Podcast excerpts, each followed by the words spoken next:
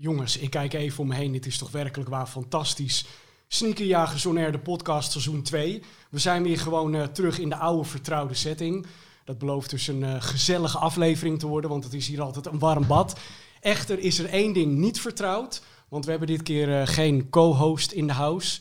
En dat heeft alles te maken met eh, de anderhalve meter in het nieuwe normaal. Dat, dat past gewoon niet in deze kleine ruimte. Maar achter de camera hebben we wel weer, zoals elke aflevering, Ryan. Onze cameraman, editor, technicus. Nou ja, wat is hij eigenlijk niet? Eh, dus Ryan, ik begin gewoon bij jou. Welke schoen heb je aan? Want ik zag dus een mooie. Zal ik even aangooien? Ja, gooi maar. Ja, vertel maar. Eh, de Nike SP Hawaii, Dunk uit 2005. Jij hebt officieel eh, geen microfoon, maar het is eh, Nike SB Dunk Hawaii 2005. Hoe ben je eraan gekomen? Eh, via Marktplaats. Hoe? Via Marktplaats. En was dat een lange zoektocht? Nee, eigenlijk niet. Ik was maar aan het kijken en ja, ik heb gewoon de telefoon al. Maar ik heb ze voor Rieten op kunnen pakken twee maanden geleden ongeveer. Dus. Hij vertelde dat hij er heel lang naar heeft gezocht en uiteindelijk meer dan 3000 euro voor heeft betaald. Dat is toch van de gekke mensen. Op dit moment draag ik ook een eh, SB Dunk, een lage van eh, Supreme. Fraai exemplaartje, volgens mij is dit eh, de tweede keer dat ik hem aan heb. En toch schrok ik ervan toen ik hem uit de doos haalde, want ik ben wel één keer door de neus gegaan. Dus dat deed toch wel een beetje verdriet. Of het deed een beetje pijn, maar goed, ik ben er desondanks heel erg blij mee. Tot zover wat ik aan heb. Er zitten twee gasten aan tafel, helemaal uit Venlo. Rolf van Calico Jack. Is Yes. klemtoon goed? Dus Calico Jack. Oh, Calico. Jack. Ik dacht Calico is ook goed. Calico? Calico. Dat zeggen ze in Duitsland. Oh. Ze zitten tegen de grens, maar... Ik, heb dus eh, eh, zo stom dat eh, soms door de, de online namen, dan lees je het in je hoofd heel anders. Ja.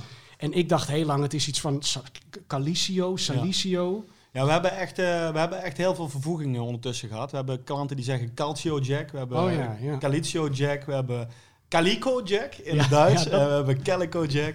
We hebben klanten die zeggen we gaan naar Calico. We hebben ook mensen die het helemaal niks vinden wat we doen. Die zeggen Clico. Hè? Dus Ja. ja. je hebt van alles wat. Maar ik ben nu echt de weg kwijt. Wat is het Ja. uiteindelijk wel? Precies, Calico Jack. Ehm, dus, eh, En waar komt die naam vandaan? Wat houdt het in? Nou, eh, dus ongeveer negen jaar terug, toen zaten Erik, mijn, mijn businesspartner en ik eh, over een naam na te denken. Toen hadden we een vel met denk ik wel honderd namen eh, opgeschreven. En er stond deze naam tussen. En eh Calico Jack is een piraat. En wij dachten van ja, hey, weet je, laten we deze naam gewoon pakken. Daar kunnen we veel mee doen in merchandise, wat we vervolgens allemaal niet gedaan hebben. Want hij spreekt zo makkelijk uit. Ja, je spreekt hem lekker makkelijk uit. Ja, toen heel veel eh, winkels die hadden vooral één naam, zeg maar. Dus één, één met, met, met vooral een hele eh, makkelijke naam ook. wel iets van, ja, weet je, we houden wel van een uitdaging. En laten we gewoon een moeilijke naam pakken en daar wat omheen eh, bedenken. Ja, dat is gelukt. Dat is wel redelijk gelukt. Ik Ja. wil straks nog veel meer eh, van Zeker. deze naam weten. Eerst, eh, welke schoen Ja, heb je ik, aan? ik, ik, ben, ik ben echt de minste originele van vandaag. Ik heb vanmorgen gewoon... eh, we hadden een stockshow gehad en er stond ik één paardje eh Tailwinds eh 79 van Nike. Gewoon box fresh. Dus niet, niet te moeilijk. Het is gewoon lekker basic. Ik dacht van ja, ik ga mezelf hier niet cooler voordoen dan ik ben. Ik kom uit Venlo. Dus ik doe deze aan, zeg maar. Dat is eigenlijk heel makkelijk. Ja. Maar eh, volgens mij is het niet het credo van Venlo, eh, doe maar gewoon, dan doe je al gek genoeg.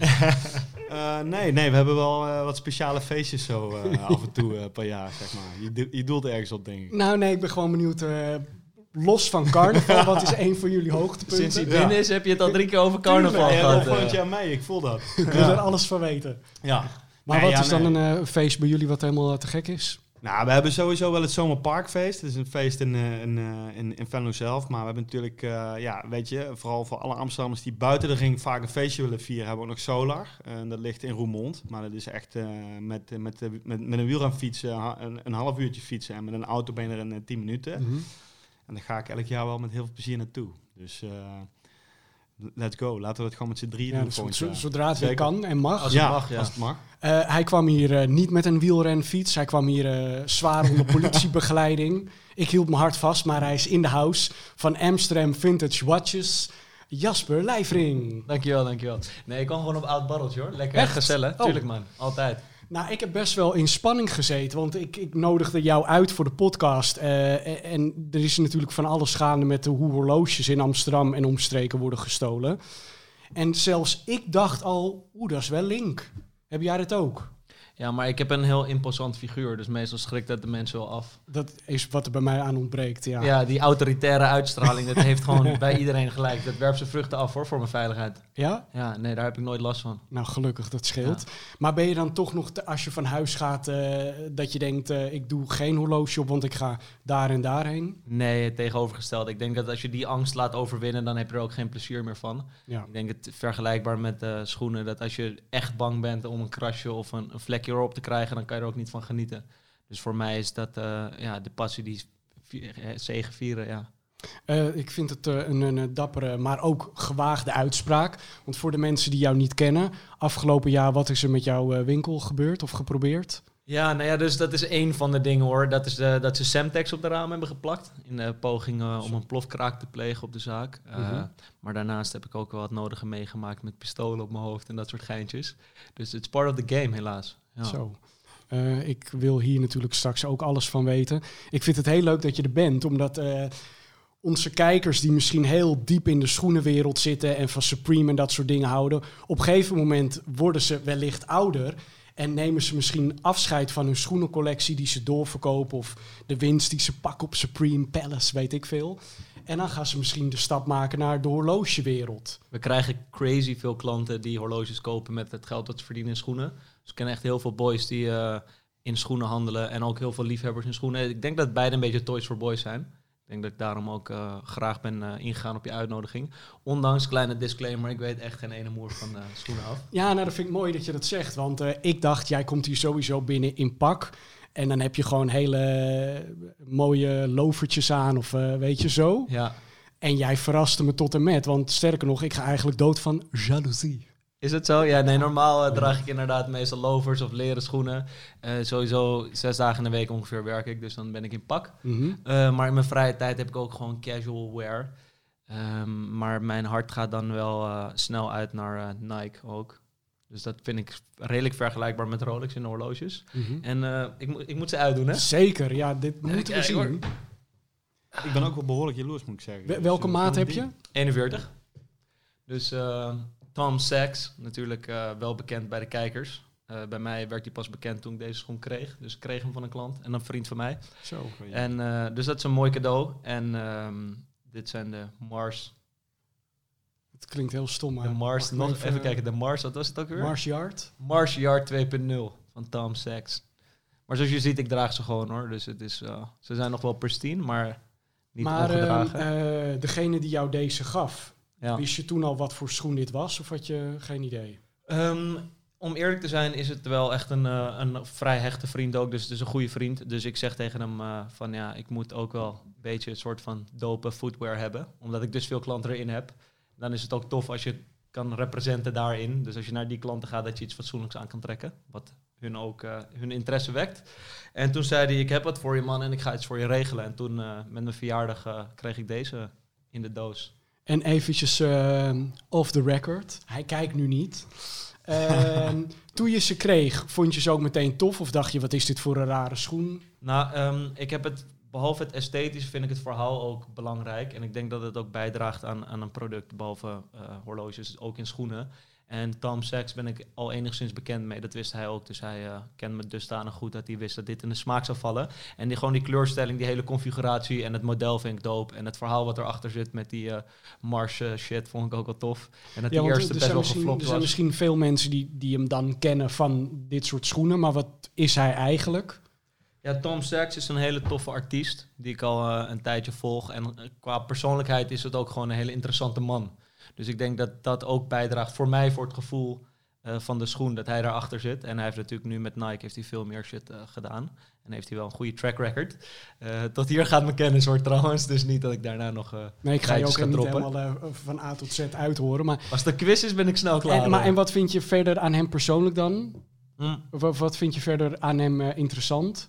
Ehm, ik denk dat hij een. ehm, ik heb hem ook een keer ontmoet, dus dat vond ik dope in Amerika. En eh, En waar was dat? Hoe ging dat, het? dat levert al een soort van extra bijdrage Ja. aan. Was bij LA, waren we op een diner met eh, meerdere mensen. En ik wist niet wie het was toen. Dus toen heb ik hem leren kennen.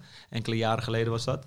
En toen vond ik het al gewoon een hele toffe gast. En sindsdien ben ik hem gewoon een beetje gaan volgen online en zo. En wat hij produceert. En eh, gewoon, het is qua persoon vind ik hem... Het is gewoon een man met veel charisma, ook als je hem ziet. Maar toch die creatieve genialiteit. En die gecombineerd in, in, in één persoon, dat vind ik wel heel dope. Ja, ik vond toen die eh, McDonald's attributen die hij Oh had ja. gemaakt heel tof. Ja, echt heel tof. Eh, wat dat betreft eh, blijven we, en daar trek ik jullie in deze val even in mee, blijven we toch kinderen die dat soort dingen mooi vinden. Rolf, terug naar jou. Ehm, nou vertelde je net over de naam voor jullie winkel. Jullie hadden een aantal dingen op een blaadje geschreven. Dat was twee jaar geleden? Nou, dat was eh, zeven, acht jaar Oh, geleden. zeven, Ja, acht ja, jaar zeker, geleden. zeker. Maar eh, voor de opnames toen ik jou sprak, toen had je het zelfs over je opa die de winkel begon. Ja, zeker. Mijn opa die begon eh, in 1949 in, Mhm. eh, in Blerik, is een stadsdeel van Venlo. met onze eerste winkel in, in, de, in de familie waar ik van, van kom, zeg maar. En mijn opa moest naar Blerik, want in Venlo zat zijn broer. En zijn broer had tegen hem gezegd van ja, je moet niet hier een winkel beginnen, want dan kan ik zelf geen handel meer drijven, zeg maar. Dat was net na de oorlog. En hoe ver ligt het uit elkaar? Ja, het ligt niet heel ver uit elkaar. Het ligt, eh, Twee straten. Ja, het ligt het twee straten. Venlo is echt Andere, een dorp andere kant van het dorp. Twee nee, straten. dus eh, net aan de andere kant van de rivier, dus een paar kilometer. En eh daar is hij met mijn oma begonnen. Mijn, eh, mijn vader heeft het 40 jaar geleden overgenomen. En ik was eigenlijk uh, stront eigenwijs, een bepaalde periode. Tegenwoordig nog een beetje. En ik zei, van, ja, ik ga die winkel dus echt niet overnemen. Dus toen ben ik een eigen winkel eh, begonnen. Eh, maar ik moet wel zeggen, ik heb wel nieuws.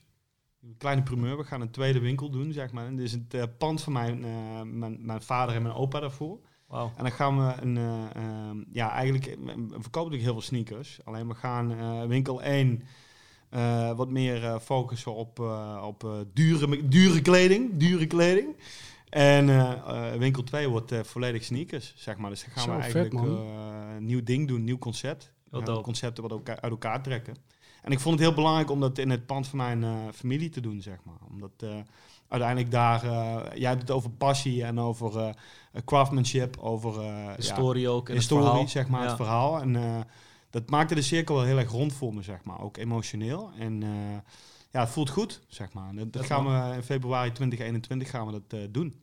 Heel cool. En eh, daar ben ik wel super trots op, zeg maar. Dus eh stront eigenwijs, maar wel terug naar pa. Maar en voordat we bij die eh, nieuwe winkel of de nieuwe indeling komen, Ja. ehm, wat was er dan zo aan jouw opa's of vaders winkel wat jij niet eh zinde? Nou, mijn, mijn opa en mijn pa die verkochten vooral heel veel mooie bruine leren schoenen, zeg maar. En eh, ja, wat dat betreft eh, veel loafers ook.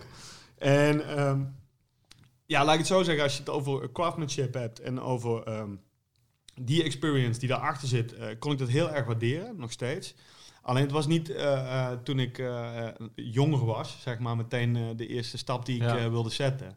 En ik wilde vooral ook zeg maar, mijn eigen weg gaan, mijn eigen pad creëren om uiteindelijk ja, een soort van, hè, je hebt geluk 1, 2 en 3 zeg ik wel eens. Nou, nummertje 3 is een soort van legacy opbouwen. Eh, om vooral iets vanuit jezelf te doen, zeg maar. En dat ook vanuit een bepaald zelfbewustzijn te doen. En eh, nou ja, dat is Calico Jack. Er zit gewoon eh Rolf in, zeg maar. En, en, en dat vind ik heel belangrijk. Dat is vaak wel waar het ook misschien een beetje mis kan gaan binnen een familiebedrijf. Als het te zeer geïnt is alleen, op alleen dat, zeg maar. Vooral in retail. Dan kun je het misschien net niet meer overbrengen naar klanten. En ik vind wel dat je het, dat is wat jij net ook heel terecht zegt. Je moet, je moet het echt 200% voelen. Je moet ervoor staan, weet je. Ja. Je moet het leven en je moet vooral niet twijfelen. En eh, dat is denk ik ook de kracht, zeg maar, waarom wij vanuit Venlo kunnen doen wat we doen, zeg maar. En, eh, Maar en hoe ging, hoe ging dat dan toen de tijd eh, met jou en je vader? Verwachtte hij dat je het over ging nemen of voelde hij het al? Ja, dan laat ik het zo zeggen. Dan ga ik iets heel lulligs zeggen. Maar mijn broertje en mijn zusje die hebben het intellect in de familie. En ik heb vooral de bluff en, eh, en, eh, en eh, het praatje.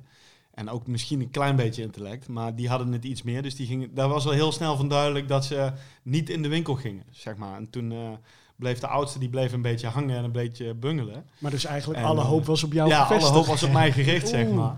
Dus die, eh, die druk was hoog. Ik moet wel zeggen dat we daar pittige discussies over hebben gehad thuis. Hebben zij überhaupt iets met schoenen? Je broertje en je zusje? Of dat boeit ze niks? Ja, ze dragen het, maar voor Ja. de rest eh, Nee, niet, precies. niet heel erg veel, zeg maar. Ja. Ehm, weet je, ze hebben altijd heel veel interesse gehad in wat mijn ouders doen. Maar eh, ook maar heel erg goed dat zij niet in de winkel zijn gegaan. En, en, en ja, die hoop die was wat dat betreft wel heel erg op mij gericht. En ik ben ook wel weer heel erg blij dat we het op deze manier een soort van...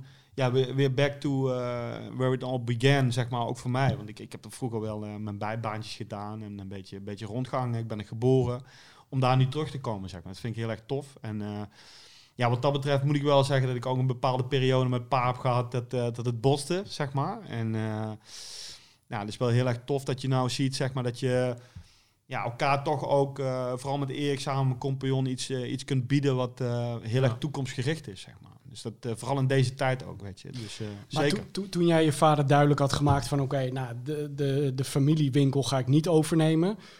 Hoe lang zat er tussen dat jij, eer dat jij wist van ik wil wel een winkel, maar die moet dan ongeveer zo zijn? Nou, eigenlijk acht jaar geleden was mijn boodschap heel duidelijk. Ik ga gewoon lekker in de binnenstad van Venlo mijn winkel doen en, uh, en daar mijn eigen klanten bedienen. En eigenlijk denk ik vier jaar geleden, vier jaar geleden begon het idee al een beetje te leven bij me van nee, nou ik zou, ik zou echt wel een tweede concept willen doen. maar dan wil ik wel eerst nog een stap maken met de accounts die we hebben. Mm -hmm. En footwear en retail werk je toch met bepaalde accounts. Dat wil je opbouwen, je wil ergens staan. Um, E-commerce was voor mij ook heel belangrijk. Weet je, ik, wil, ik wil alles gewoon goed hebben staan, zodat we ook gewoon een, een stabiel bedrijf hebben waar we echt iets mee, mee, mee kunnen neerzetten, ook uh, uh, verder dan de, de regionale grenzen. En dat is wel echt heel erg gelukt, daar ben ik heel blij mee. We hebben goede accounts, uh, we staan er goed op voor een breed publiek.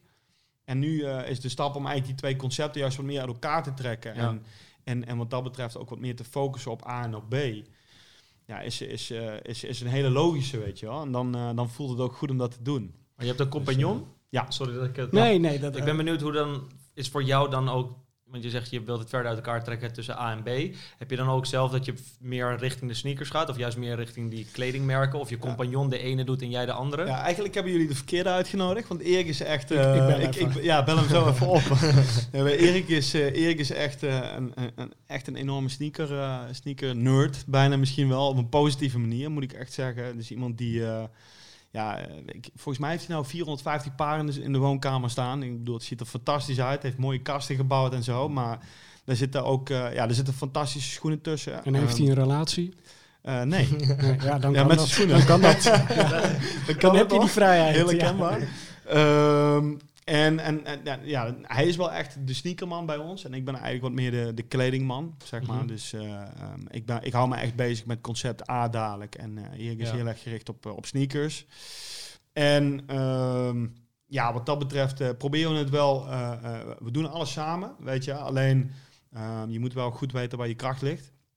En uh, ik moet En- zeggen, ik vind, uh, ik vind sneakers heel erg leuk. Uh, ik doe er ook veel mee qua vooral dragen. Ik, ik, ik zit ook iets anders in elkaar dan een normale sneaker OG, zeg maar. Ik, ik vind het vooral belangrijk om schoenen te dragen. En ik probeer daar ook mijn, mijn toffe dingen uit te halen. Ik heb nog wat dingetjes meegenomen, weet je. Ja, ik probeer ook wel echt daar mijn eigen smaak uit te zoeken, zeg maar. En, en ook wel moeite te doen. Maar als ik zie wat Erik allemaal ja, op stapel heeft staan thuis nog, dan uh, ben ik daar wel heel jaloers op. Dus dat is wel, uh, wel een beetje de, de, de connect tussen ons ook. Zeg. Ja. ja. Wat ik nog van je wil weten is, uh, toen jij die uh, winkel in Venlo begon, uh, wat heeft je doen besluiten om, om in Venlo te blijven? Want je, je begon natuurlijk, uh, je liet het familiebedrijf even achterwege. Ja. En de wereld lag aan je voeten, je kon alles kiezen. En dan ja. bedoel ik niet van, uh, dat is slecht, maar ik ben gewoon benieuwd hoe je dat... Uh... Nou, ik heb... Uh, Carnaval toch, hè? Ja, ja zeker. toch. Toch, toch, toch die twee vleugels. die vleugels zijn heel belangrijk. Nee, maar ik, ik, ben, ik, ben, ik heb van tevoren een tijdje in Amsterdam gewoond. Um, ik heb een, een, hele toffe stage gedaan bij, bij Diesel op het Presence Marketing Bureau. Daar heb ik met... Uh, Per van de Brink samengewerkt. Dat is iemand waar ik heel veel van geleerd heb. Die, uh, die heeft onder andere ook uh, bij Vice uh, op een hele mooie positie gezeten. Doet hele toffe dingen in Amsterdam. Mm -hmm. heel erg lang getwijfeld ook om hier te blijven. Want ik, ik vind het buiten Venlo de mooiste stad van Nederland. En um, uiteindelijk eh, maak je ook een call van, van oké, okay, weet je, als je hier blijft, dan ben je misschien een van de. Hè? En, en hier lopen zoveel getalenteerde mensen rond. En in Venlo lopen die ook rond. Alleen daar, kun je wel iets meer een. een uh, ja, dan kun je een iets andere rol pakken binnen de scene, zeg maar. Dat is eigenlijk ook wel wat ik mezelf op een gegeven moment verplicht heb. Van, hey, ik hou van die stad. Ik ben, ik ben echt wel connected met uh, heel veel mensen daar. En ik ben eigenlijk op een gegeven moment teruggegaan om, om, om misschien daar mijn, ja, niet responsibility te pakken, maar wel ook het gevoel van, hey, ik, ik kan hier echt een verschil maken, weet je wel. Het zou zonde zijn om je voordeel weg te gooien. Ja, dat ja. was een gigantisch voordeel. Dus ik heb toen eigenlijk de call gemaakt om eerst uh, uh, heel veel te gaan draaien. Uh, vanuit Venlo ook in Nederland. Um, veel ook events te doen.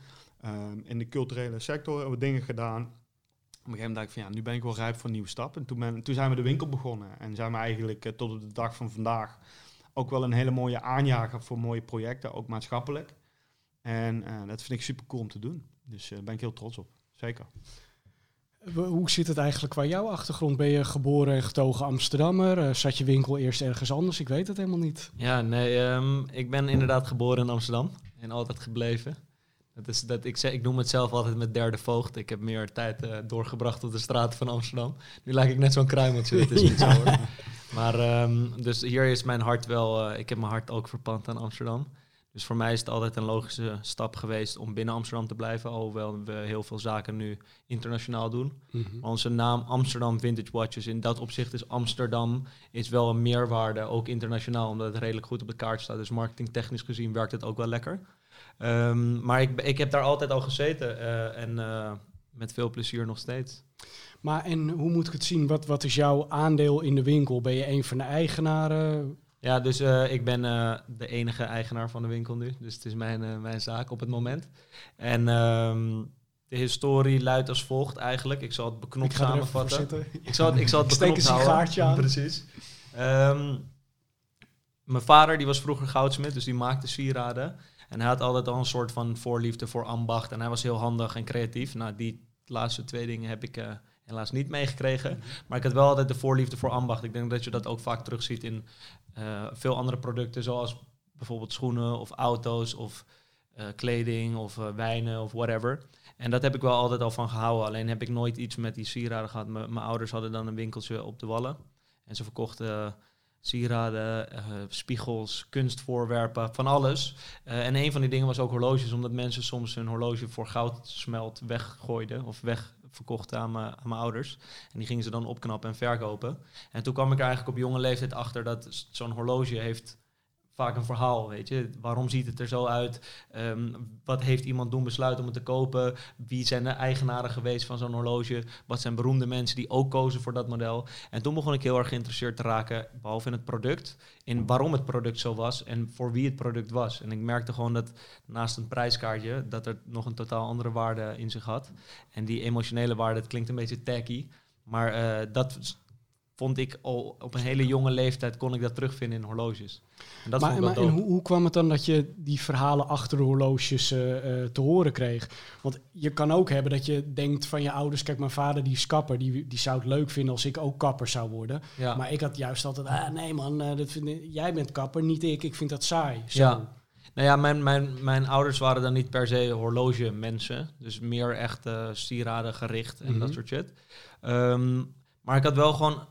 Toen dat horloges is toch makkelijker als toys for boys, zeg maar. Net als, als, als schoenen en als treinen of auto's, dat soort dingen. Als je daarmee te maken ik had krijgt. bijvoorbeeld met horloges dat ik dat eerder, eh, toen ik jong was, dat ik dat voor oude mannen vond. Kijk, nu, nu weet je echt door alle Lil Kleines en zo van, oké, het is... eh, Ja. Weet je, dat, we- toen ik klein was, was dat in mijn beleving anders. ja, nou ja, ik denk inderdaad dat het wel mee Of ben je gewoon een heeft. oude ziel in een jong lichaam? Ja, ja, ja, precies. Oude eikel ben ik hoor. Nee, ik denk dat het meer te maken heeft ook met je omgeving. En eh, bijvoorbeeld heel veel mensen hebben het met auto's. Ja, ik, heb, ik rij een fiets, ik heb geen auto. En het komt ook omdat wij hebben nooit een auto gehad. Mijn ouders hebben nooit een auto gehad. Mijn ouders hebben nooit een rijbewijs gehad. Mhm. Dus dan heb ik het niet met auto's. Maar mijn ouders hadden wel vaak bepaalde horloges. En ik vroeg gewoon altijd van, waarom ziet dat horloge eruit? Ik kan me heel vividly herinneren dat me, mijn vader een keer, dat was dan een GMT. En dat noemen ze de Pepsi, want de rand is blauw met rood. En als klein kind vind je Pepsi, dat is een cool merk. Dus dan zeg je, wauw, dat is tof, Pepsi. En ik vond gewoon die kleurtjes mooi. Maar toen ging ik een beetje zoeken. Toen kwam ik erachter dat het niet voor Pepsi was gemaakt, maar eigenlijk voor Pan Am. Dus luchtvaartmaatschappij. En dat was de kleuren van die luchtvaartmaatschappij. Dan merk je wat het hele verhaal erachter is. En dat zoog me gewoon op. Toen was ik gewoon nieuwsgierig. Bij iedereen ging ik vragen van... Kijk, jij hebt een Timex om. Waarom heb je een Timex om? En wat is de geschiedenis? Want Timex is bijvoorbeeld En dan ook... zeiden die mensen, hey, hey, Heel doe eens even rustig. Ja, ik kreeg een paar keer klap op mijn bek. Maar dan leer je wel weer wat. Ja. Dus eh, ja, eigenlijk is het gewoon echt interesse en een soort eh, bijna obsessief ehm, ja, passie over eh Maar wat product. grappig dat het zo uit jezelf kwam dan eigenlijk. Ja, ja, ik heb dat echt met horloges wel gehad. En eh, ik moet ook bekennen dat ik... ehm, ik heb een heel narrow ehm, focus. Dus ik kan me heel erg focussen goed op één ding. En dan wil je er alles van weten. wil ik er alles van weten. En ehm, ik wilde eerst profvoetballer worden. Ja, wie niet? Toen kwam ik er snel achter. Jij niet? Oké, Nee, ja. Ik heb niks met voetbal ook. Oh ja, fair play. Maar ja, je toch, ik ben fucking slecht in voetbal. Dus eh, ik ook. dat werd hem niet. En eh, ja, toen kwamen die horloges een beetje op mijn pad. En nou ja, wanneer, wanneer ging je dan echt de stap maken om een winkel eh, te openen? Nou ja, dat was... Want je eh, zou ook kunnen denken, ja, ik doe alles online. Hoe werkt dat niet zo met horloges? Het is zeker mogelijk. En vandaag de dag hebben we best wel grote online presence. Ik denk, of tenminste 100% de grootste in Nederland. En ook eh, wereldwijd zitten we zeker in de top 10. Ehm, dus dat is wel dope. Maar eh, het is niet helemaal vrijwillig gegaan. Althans, laat ik het zo formuleren. Ik heb nooit, ik had niet bedacht van, oh, op mijn twaalfde of op mijn 16 of op mijn 18e wil ik een winkel in horloges of zo. Het is meer dat het spontaan is gegroeid. En op den duur waren mijn ouders, eh, het werden vrij ziek helaas. En die waren niet meer in staat om hun winkel voor te zetten. En toen heb ik gezegd van oké, weet je, ik ga zorgen dat we in ieder geval inkomsten hebben. En dat ook mijn ouders hun eh, pensioen kan betaald worden op een gegeven moment. En toen heb ik er wel voor gekozen, net als jij, van ik wil het wel op mijn eigen manier doen, weet je. Ik wil het niet doen hoe mijn ouders het doen met hun producten op hun manier. En dus hebben we eigenlijk iets ouds in een nieuw jasje gestopt en ben ik gaan focussen op de horloges. En eh it paid off. En, en 100 pro. werkte het meteen? Ehm, nou ja, Want hoe oud was je toen je daarmee eh, echt begon? 21, maar ik werd wel echt in het diepe gegooid. Dus het was En gewoon hoe, vanaf oud, hoe oud ben je nu? eh, 27. Oké, zo jong nog. Oude rot hoor. Nee, ja, Je zegt, je zegt net dat ik oud ben in een jong lichaam. ja nou, toch niet. Eh, Je had me ook ouder ingeschat. Ja, ik dacht... Die stress, hè? Die rimpeltjes. Nee, maar ik had wel gedacht 30 of zo. Ja, ik kan me wel voorstellen dat het, eh, je bent 27, maar dat het wel zes jaren zijn waarin je Snel oud ben misschien, geworden. misschien iets ouder wordt dan, dan Ja. 27, Ja, weet je. Met klopt. name om- Tijd staat niet stil, hè? dat bedoel ik. Oh, wat slecht. sorry, sorry. Oh. Kan niet eruit geknipt worden, Ryan. Maar eh, hoe, echt nu we lekker. het, hoe oud Ja. ben je eigenlijk, als ik vraag mag? Ik ben 31. En jij? 36. Kijk, dat is confronterend. Ja. Mhm. Dat is con- Wij zitten nog aan de goede kant. Ja, eh, precies. ja, ik ook niet meer eigenlijk. ja, aan de goede kant van de 30 ja, zit je nog. wel. Maar eh, nou, als je dan als zo'n jong pikkie, zeg ik dan even delegerend, denigerend. ehm, je had natuurlijk ook kunnen denken van, ehm, ja, zo'n horlogewereld is misschien met eh, mannen van statuur. En dan kom jij als zo'n jong gastje, nemen ze me wel serieus. Ja, het is mega hautain en eh, heel gesloten. En daar liep ik tegenaan. En dat heeft me juist de inspiratie te gegeven om het op een hele andere manier te doen. En dat is juist de succesfactor geworden. Omdat we tegen die gevestigde orde aan het trappen zijn. En we, zit, we doen het op een hele verjongende manier. Nou ja, Instagram is natuurlijk een geweldige tool daarvoor. En dat heeft ervoor gezorgd dat wij op de kaart zijn gezet. Dus juist omdat ik niet welkom geheten werd in die wereld toen ik begon, was het inderdaad van... eh, ik weet niet wat je komt kijken, maar hou maar weer op. Letterlijk, ik kan me herinneren dat ik op een beurs was en op een gegeven moment vroeg ik van, eh, oh ja, en hoeveel kost dit horloge? Deze, oh nee, dit is een echte Rolex, zegt die man tegen mij. Teringleier ben jij, wacht maar. wacht maar, over vijf jaar dan heb ik ze allemaal liggen. Dus eh, zo geschieden. Leuk Ja. man. Ik, ik zag jou ook voor het eerst eh, tijdens het scrollen op Facebook voorbij komen. En ehm, ik wist, ondanks dat de mensen om mij heen wel wat van horloges weten, ik wist er helemaal niks van. En dan vond ik heel leuk dat ik jou in die filmpjes hoorde zeggen, ja, de Rolex 7AB3CE. en dan da- dacht ik, wow, wat een lange nummers en hoe onthoud je dat allemaal? Maar dat hebben jullie toch met schoenen? Ja, maar kijk, met schoenen is het heel makkelijk dat die krijgen allemaal een grappige bijnaam, waardoor het makkelijk te onthouden is. En bij jou is bijna eh Pi uitgeschreven. Ja, maar dat is dus wel mijn narrow focus. Dus ik kan ik, elke referentie, alle horloges hebben een referentienummer. Elke referentienummer die ik ooit heb gehad, heb ik onthouden. En die onthoud ik. En ik weet alle productiedata, alle jaren, et cetera, alle configuraties. Maar eh, het telefoonnummer van mijn ouders weet ik niet. Eh, de verjaardag van mijn vriendin vergeet ik. Dus het is wel echt een soort van narrow focus. Het is niet dat ik een fotografisch geheugen heb. Ik ben gewoon Oost-Indisch Oost-Indisch aan het nadenken, denk ik. Gewoon alleen bepaalde shit onthoud ik. En de rest vergeet ik. Eh, maar zo zag ik jou dus eh, online voorbij komen. En hoe heb je dan je, je online plan aangepakt om dat verschil te maken? Goeie vraag. En dat is echt de persoonlijke toenadering en de persoonlijke aanpak. Want als je elk horlogekanaal volgt, je ziet nooit een gezicht. Ook vanwege veiligheidsoverwegingen, et cetera. Ehm, maar dat vonden wij heel jammer. En ik vind dat een horloge is juist iets heel persoonlijks en iets heel emotioneels. eh, op een goede manier. Dus wij vonden het idee, of wij hadden het idee om een YouTube-kanaal te starten. Om via Instagram de mensen gewoon in hun huiskamer te bereiken. Door de manier waarop wij eigenlijk dagelijks te werk gaan. En dat is gewoon dat we fucking veel plezier hebben. Hoe jullie plezier hebben met, met sneakers, hebben wij plezier met horloges en alles wat er omheen komt. Drank en feestjes en gezelligheid. En ja, gewoon die tools, zeker met social media, is het gewoon best wel makkelijk om te groeien. En eh, ik denk dat die oprechtheid heeft er gezorgd dat we gewoon eh, nu richting de 100k volgers gaan. Ehm, wat in zo'n kleine niche is dat best Mm. wel groot. Dus iedereen in Nederland, met alle arrogantie van dien, die van horloges houdt, die, die is op zijn minst bekend met ons kanaal. En dat is denk ik eh, gewoon puur omdat wij gewoon jonge kids zijn die doen wat we leuk vinden. En dat vinden mensen leuk om te zien. Maar houdt het ook wel heel dicht bij zichzelf, weet je wel. Dat is denk Zeker. ik ook wel de kunst. Dat is belangrijk. En de meeste mensen zijn ook, heel veel van die, de, de cliënten die we hebben, dat zijn ook gewoon normale gasten en gezellige gasten. En ook guys in de sneakers en zo. Ja, die willen niet een of andere lul van 50 die op een stijve manier gaat vertellen over een of ander kuthorloge. Die willen binnenkomen met een lekker, eh, weet ik veel, nummertje op de achtergrond, een beetje oldschool hip-hop of zo. En een biertje en gezellig over horloges lullen en kopen dan een horloge. Weet je? En, Dus eigenlijk, weet je, dat klinkt heel dom, maar het is eigenlijk gewoon eh, zoete inval. Weet Ja. je? Je, je wilt gewoon zoete inval in een winkel, en in, in, zelfs in een horlogeboutique. En het moet gewoon over vrouwen en over, eh, over vrijdagavond gaan. En, en ja, bij hem eh, kopen ze een uh, Audemars Piquet eh, in de tussentijd. En bij ons kopen ze een, eh, een Paul Shark jas of een, of een, of een Adidas schoen, weet je. En dat- maar dat is wel hoe het werkt. Maar En het gaat ook ondertussen- niet werken als jij het anders op. Want jij doet het natuurlijk ook op jouw manier en op je Ja. toegankelijke manier. En je bent een jonge guy en vlot en spontaan. Dat is ook wat mensen. Daarom gaan ze naar jou toe. Dat trekt ze aan, denk ik. Ja, ik, ik, ik, ik en ik denk wat je, wat, je, wat je ook moet hebben, is dat je een soort van loyal bent met je klanten. Weet je? Mhm. dat, dat zul je ook eh 200% hebben. Je moet gewoon vooral, vooral in, in zo'n vertrouwelijke business, je moet super loyal naar elkaar zijn, weet je. En, en, en ja, je kunt zeggen dat moet, maar dat gaat natuurlijk, weet je. Dat is niet iets wat, eh, wat, je, wat je van elkaar vraagt. Nee. Dat, dat gebeurt automatisch, denk ik. Vooral in, in dit soort eh, dingen. Maar misschien ook nog wel meer dan, eh, dan in wat dan ook over een, een shared eh, eh, ground gaat, weet je wel. Een gedeelde passie die je hebt, weet je. Dan, als je dan niet loyal bent, ja, dan is het heel gek, weet je. En dat is wel wat jij zegt, als het statisch wordt. Dus Ja. hetzelfde in een autogarage.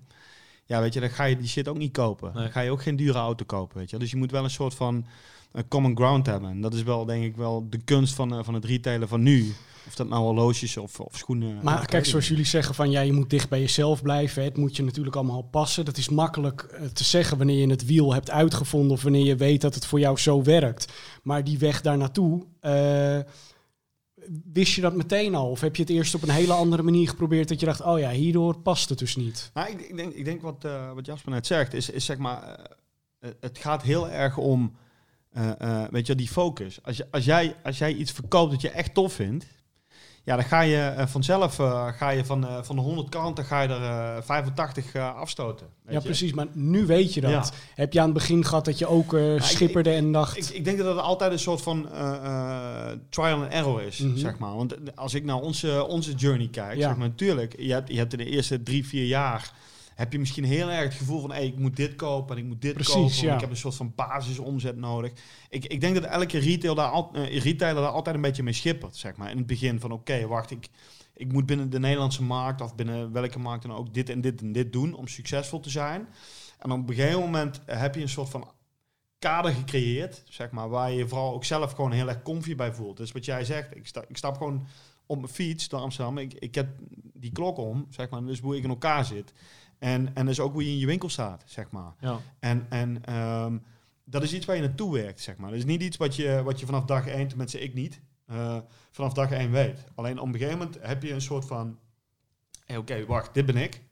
Ehm, dit is de muziek die we draaien in de winkel. Dit is de klant die daar om 10 uur op zaterdagochtend binnenkomt. Om 11 uur komt die gast, om 12 uur komt die gast. En hey, ik ben oké met die gasten, weet je wel. En ik hoef niet cool of aardig tegen die, die en die te doen, omdat die bij mij moet kopen. Nee, als ze me leuk vinden, komen ze vanzelf. En als ze me niet tof vinden of ik niet de spullen heb, ja, dan komen ze niet. En het is wel inderdaad iets wat jij zegt, daar moet je wel naartoe werken. Maar dat het klopt ook af zo. moet dwingen, denk ik. Ja, het klopt ook zo. Die trial and error shit is ook totaal waar. Ehm, want die weg daar naartoe vond ik best wel lastig om te bewandelen. Omdat ook op de leeftijd dat ik was, moest ik soort Ja. van mezelf nog uitvinden. Eh, dus dan weet ik ook niet. Het is niet dat ik toen ik die zaak. eh, toen ik Amsterdam Vintage Watches op de kaart wilde gaan zetten, had ik niet het idee van: oké, hier gaan we heen en op deze manier gaan we dat pad bewandelen om daar bij dat eindresultaat te komen. Het was wel gewoon zo van: hier zijn de sleutels en eh, je moet opeens een volwassen man zijn en ga maar zorgen dat er zoveel geld binnenkomt. En eh, zodat je de huur kan betalen, zeg maar. Dus ik vond het wel een hele lastige situatie. En het is niet dat dat eh, vooraf bedacht is. Mhm. Ik zit nu in de situatie dat we een fucking goed team hebben waarmee ik super blij ben. Al die boys en mijn assistent en dame, die passen precies in dat plaatje. Maar dat is inderdaad wel gegroeid. Ook door een paar keer flink op je plaat te gaan. Ja. En wat was bij jou dan een goede error? Ehm, sowieso personeelszaken, dat is, eh, vond ik het allermoeilijkste. Ehm, ik denk op een 21-jarige leeftijd is het ook moeilijker om iemands karakter in te schatten. En Ja. je weet gewoon nog niet hoe mensen zijn. En eh, daar heb ik wel de klappen van de zweep eh, moeten voelen. Ehm, en dat is dan ook waar ik vandaag de dag het meeste blij mee ben. Niet eens met ons online kanaal of met de fysieke winkel, hoe die eruit ziet, of met de producten, maar gewoon met het team waarmee we nu staan. Die is ondertussen is gegroeid naar eh, zes mensen. Denk ik gewoon van, daar ben ik gewoon fucking trots op. En eh, dat is inderdaad ook met vallen en stoten, is dat uiteindelijk eh, voor elkaar gebokst. Hey, wat dat betreft, lekker lijkt mij dat in jouw wereld dat je niet per se iets merkt van corona, of wel? Nee, Want de mensen die geld lekker. hebben voor een horloge, die hebben dat altijd wel. Ja, het gaat wel goed, ja. Maar eh, bijvoorbeeld een van eh, mijn beste cliënten en een hele goede vriend van mij, die heeft, ja, laat ik zeggen, zes, zeven etablissementen in Amsterdam, hotels, restaurants, cafés. Ja, hij is nog steeds wel eh, goed bedeeld. Alleen hij gaat nu geen horloge kopen, weet je. Nee. Hij moet ook mensen ontslaan. Ja, hij heeft opeens een nieuwe Rolex om. dus ja, ik loop wel wat omzet mis. Laat ik zeggen dat 10, 15 procent revenue loss is. Eh, maar dat is meer gerelateerd aan de inkoopkant. Dus omdat ik nu niet goede modellen kan inkopen. En mis ik dat uiteindelijk aan de verkoopkant. Want dat is voor ons het moeilijkste. Toepasselijk heet dit natuurlijk sneakerjagers. Ik ben eigenlijk horlogejager. En het kopen ervan is veel moeilijker dan de verkoop. Als het eenmaal in de winkel ligt, is het verkocht. Maar zou dat dan betekenen dat het voor jou, dat er eigenlijk gouden tijden aankomen, omdat door die crisis en de financiële crisis die eraan komt, mensen misschien hun horloge weg gaan doen De om rekeningen te betalen? De een zit dood is de ander zijn brood. Ja. Dat, dat eh, zou voordelig zijn voor ons natuurlijk. Ehm, alleen nu merk ik wel dat dat eh, heel erg tegenvalt. Dus mensen doen niet zo heel snel afstand van hun horloges. Over het algemeen juist ook als valuta onzeker zijn, zoeken mensen waardevaste Ah, spullen. ja. En horloges horen daar zeker bij. Dus ik heb juist meer het idee dat nu mensen veel meer hun geld willen vastzetten in een horloge. En juist nu ze het hebben, dat ze het niet kwijt willen. Dus ik heb echt moeite met de inkoop de laatste tijd. Ja, ik begrijp het. Wa- waar zoek je dan eigenlijk? Ehm, we kopen echt wel... Marktplaats. Ja, Marktplaats. Nee, ik heb nog nooit via Marktplaats gezocht of gekocht. Eh, vroeger, toen ik heel jong was. Eh, we werken gewoon wereldwijd. Dus we halen echt, denk 80% uit het buitenland. Eh, Zuid-Amerika, Israël, Servië, Azië. En daar hebben we mensen die ook voor ons scouten. En we hebben heel veel. eh, ja, we hebben op een gegeven moment bouw je gewoon een netwerk op van mensen die weten wat jij zoekt. En die zoeken dat voor je in hun Je werelddeel. hebt overal je spelers staan. Precies. En ehm, dan moet je het, het kaf van het koren scheiden en zorgen dat je de top 10% qua conditie en eh, qua gewildheid binnenhaalt. En commercialiteit natuurlijk. En eh, dat is gewoon een, een, een daily battle. En dat is het dope eraan. Want kijk, ik bestel niet 20 Rolexen bij de Rolex dealer of de fabriek. Elke dag kan je net dat ene moment hebben dat iemand jou iets aanbiedt wat je echt graag wil hebben. Of wat je al heel lang niet hebt gehad of wat je al heel lang zoekt. En dat is ook de spanning. En marge technisch gezien, ja, soms pak je 20% marge en soms pak je opeens 3% marge. En een andere keer verlies je een paar duizend euro op een horloge. Dus dat hele spelletje, dat vind ik ook fucking tof. Maar eigenlijk nu je dat zo zegt, waarom gaat het eigenlijk niet zo dat wanneer Rolex een nieuw model op de markt brengt, dat jij zegt, ja, ik wil er eh, tien. Eh, first of all is, ben ik geen Rolex dealer, dus je moet certified Rolex dealer daarvoor zijn. En er zijn er maar twee in Nederland. Eh, ten tweede wil ik dat absoluut niet zijn, want eh, ik, sowieso vind ik nieuwe Rolex modellen niet mooi. Ehm, voor mij als leek, wat is dan het verschil daarmee? Vroeger gebruikten ze nog echt het ambacht. Ehm, en daarnaast gewoon esthetisch gezien heb ik een voorkeur naar vroegere modellen. En wat jullie ook misschien nu hebben met bepaalde historische modellen van Nike of van whatever. Dat, nu kan ik de allermooiste modellen uit de geschiedenis die ze ooit hebben gemaakt naar mijn winkel krijgen. En ten derde ben je namelijk als je een dealer bent, ben je gewoon een marionettenpopje. Dus Rolex gaat jou vertellen wat je moet kopen, hoeveel je moet kopen, voor wat je het moet kopen en voor wat je het moet verkopen. Ik ben gewoon eh, vrij vis. En ik koop het liefst de modellen die je eigenlijk dus niet, je, de modellen die wij verkopen zijn de modellen die je niet kan kopen, niet kan vinden. Ja. En dat zijn de speciale pieces. Maar kijk, bij schoenen heb je natuurlijk ook met dingen die dan eh, jaren geleden uitgebracht zijn, die je niet meer kan krijgen, dat je ze daardoor misschien nog liever wil hebben. Ehm, maar er komen tegelijkertijd ook modellen uit waarvan je kan weten, nou, dit, dit wordt de, de nieuwe klassieker. Ja, Werkt dat dan ook zo bij horloges of toch niet? zeker. Ik denk dat je daar een hele goede eh, vergelijking treft. Ehm, je hebt modellen die je nieuw kan kopen, inderdaad. Bijvoorbeeld een Rolex Daytona staal.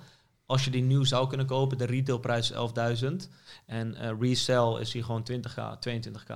Dus het dubbele. Maar ja, je gaat hem niet kunnen krijgen, want hij is overal uitverkocht en nepotisme, bla bla bla. Ehm, maar ook als je kijkt naar de historie, op basis van de historie kan je wel een soort van inschatting maken van wat de next big thing gaat zijn. Eh, Maar en leg mij daar nog eens uit van stel je voor ik wil een nieuwe Rolex kopen, die komt volgende maand uit. mhm. Waarom, waarom kan ik die dan niet kopen als ik het geld heb? Nou, afhankelijk van welk model het is. Dus sommige modellen kan je wel degelijk kopen. Rolex winkels zijn gewoon gevuld. Alleen sowieso alle stalen sportmodellen, daar is Rolex onbekend. Eh Rolex hanteert een marketingtechniek met eh, eigenlijk gecreëerde schaarste, dus kunstmatig.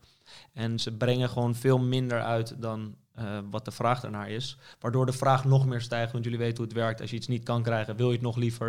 En dat zorgt ervoor op dat die, of dat zorgt ervoor dat die price hikes komen. En dat mensen nu de fascinatie hebben van Rolex is waardevast. En ja, over nagedacht. Eh, nou hadden Jasper en ik het net even over de coronacrisis, hoe dat in de horlogewereld ging. Ehm, wat merk jij ervan? Ja, eh, wel veel, wel meer, zeg maar. Eh, ik moet zeggen, 15% eh revenue loss had ik graag gehad. Eh, wij zitten op ongeveer eh, 35, 40%. Eh, gelukkig eerder 35%. Nou, dat is prettig. Ehm, ik denk dat eh, wij het eh, in general ten opzichte van een groot gedeelte eh, in, in kleding, retail, schoenen retail nog ver boven het landelijk gemiddelde doen. Dus dat is, dat is fijn. Ehm, het is wel hard werken voor een stuk minder omzet. Maar oké, dat is gewoon de situatie waar je mee mo- moet dealen. En ehm, ja, wat dat betreft is dat wat het is. En je moet gewoon, eh, vooral met de mensen die, die eh, we hebben het net over loyalty gehad, weet je wel. Dat heb je ook met je suppliers. Ja, moet je gewoon goede afspraken kunnen maken. En, en met suppliers waar je geen goede afspraken mee kunt maken, ja, houd het ook eh, op een gegeven moment op. Ehm, ik, denk, ik denk dat in deze tijd, die zo uitzonderlijk is, moet je gewoon proberen om met iedereen tot aan het eind van dit jaar te kijken. En, en zorgen dat je in een soort van long-term eh, eh, commitment eh, denkt. En dat dat is that's the only way to go. Weet je? Eh, het is ons allemaal overkomen. Het geldt voor de hele supply chain. Ehm, en het is echt ja, toch ook wel heel tof om te zien dat, dat nagenoeg de hele supply chain daar ook wel echt in meedenkt. Weet je? Het is niet zo dat, dat merk A zegt van nee, nee weet je, wij hebben, wij hebben geen corona. Maar vind je dan ook des te spannender om die tweede winkel te openen? Want je zou ook kunnen denken, my Ja. god, waarom nou allemaal uitgerekend nu? Ja, ja, ja tuurlijk. Tuurlijk is dat spannend. Maar aan de andere kant moet je er ook overheen denken, denk ik, weet je wel. Je kunt, je kunt nu zeggen van ja, we doen het niet. Ehm, maar in deze tijd, eh, vooral op sneakergebied, ja, zie je zoveel big players die eh, wat dat betreft eh, gewoon er nog een winkel tegenaan gooien. Mhm. En aan de andere kant eh, eh, denk ik dat de marktpositie alleen maar sterker wordt op het moment dat je nu zegt van hey, we gaan juist anticyclisch denken. Ja, Dat is, eh, dat, is, dat, dat is wat jij denk ik ook doet. Je denkt Ja. anticyclisch. Je probeert juist buiten gebaande paden te denken. En eh, dat is eigenlijk eh, waar wij altijd van zeggen, daar zijn we het beste in. Wij willen vooral niet te zeer begrepen worden. De klant en de, de consument moet nieuwsgierig blijven. En op het moment dat je nu juist een stap zet om, om in de aanval te gaan en misschien juist door die golf heen te lopen, in plaats van, eh, hè, wat dat betreft, eh, sorry, door die storm heen te lopen in plaats van met die storm mee te gaan, ja, gaat het misschien wat, wat sneller voorbij. En eh, dat is ook wel hoe wij die acties weer proberen neer te zetten. Van, hé, hey, oké, wacht, we hebben dit gepland. Mhm. We hebben alle mensen die mee moeten, die hebben we mee. Wat gaan we doen? Gaan we een jaar wachten en, en, en hopen dat niemand anders in een bepaald gat duikt? Of zeggen we gewoon, hey, we gaan dit gewoon doen. We zijn hiervan overtuigd. We voelen dit. En eh, we take the risk, weet je wel. Ik ben 31 jaar. Het is niet zo dat ik eh, volgende week met pensioen moet. Eh, dus ik heb nog een hele tijd te gaan. Misschien nog wel 30 jaar. Misschien wel langer. En, en, en wat dat betreft is, het juist dit, ja, is, is dat anticyclische ook wel iets wat me heel erg inspireert. Weet je wel? Om juist nu in deze tijd te zeggen... Hé, hey, wacht. We hebben een goed Maar is, team. ja, knap en dapper om zo te denken, maar waar, waar komt dat vandaan?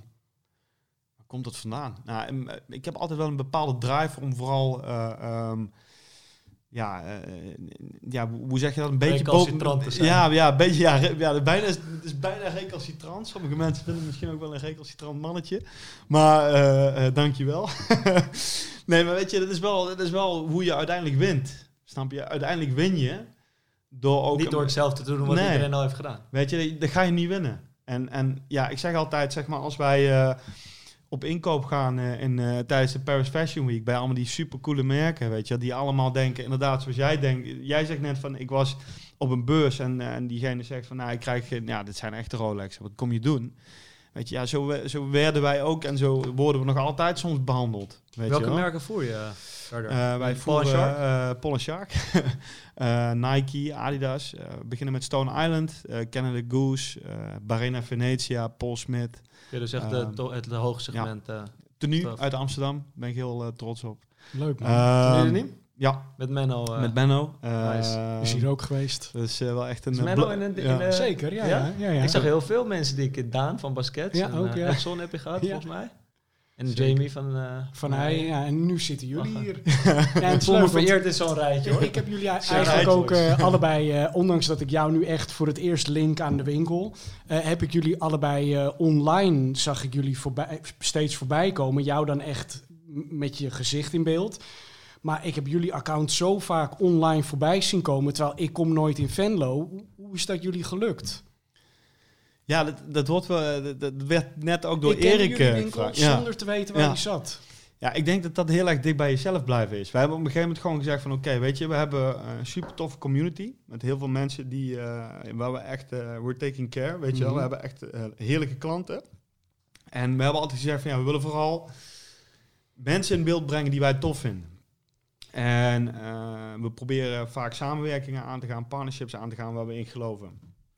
Ehm, Heel simpel voorbeeld. Ehm, ik mocht eh, eh, tijdens de Adidas Amsterdam release als fucking Venlo's retailer zeg maar in een panel zitten met Gary Asden.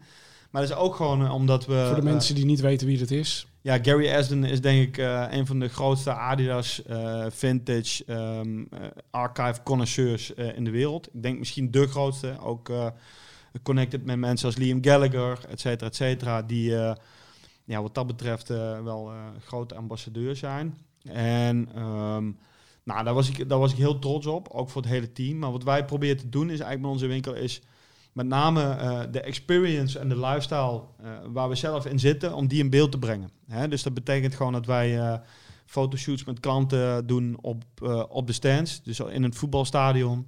Eh, we gaan fietsen met onze, we gaan wielrennen met, met onze klanten elke woensdagavond. Dat brengen we in beeld. Je bouwt zo echt een community op. Ja, en, en, en ik denk dat dat wel echt eh, is waarom, eh, waarom we voorbij komen. Weet je, we hebben daarnaast eh, redelijk exclusieve merken die niet elke retailer in Nederland voert.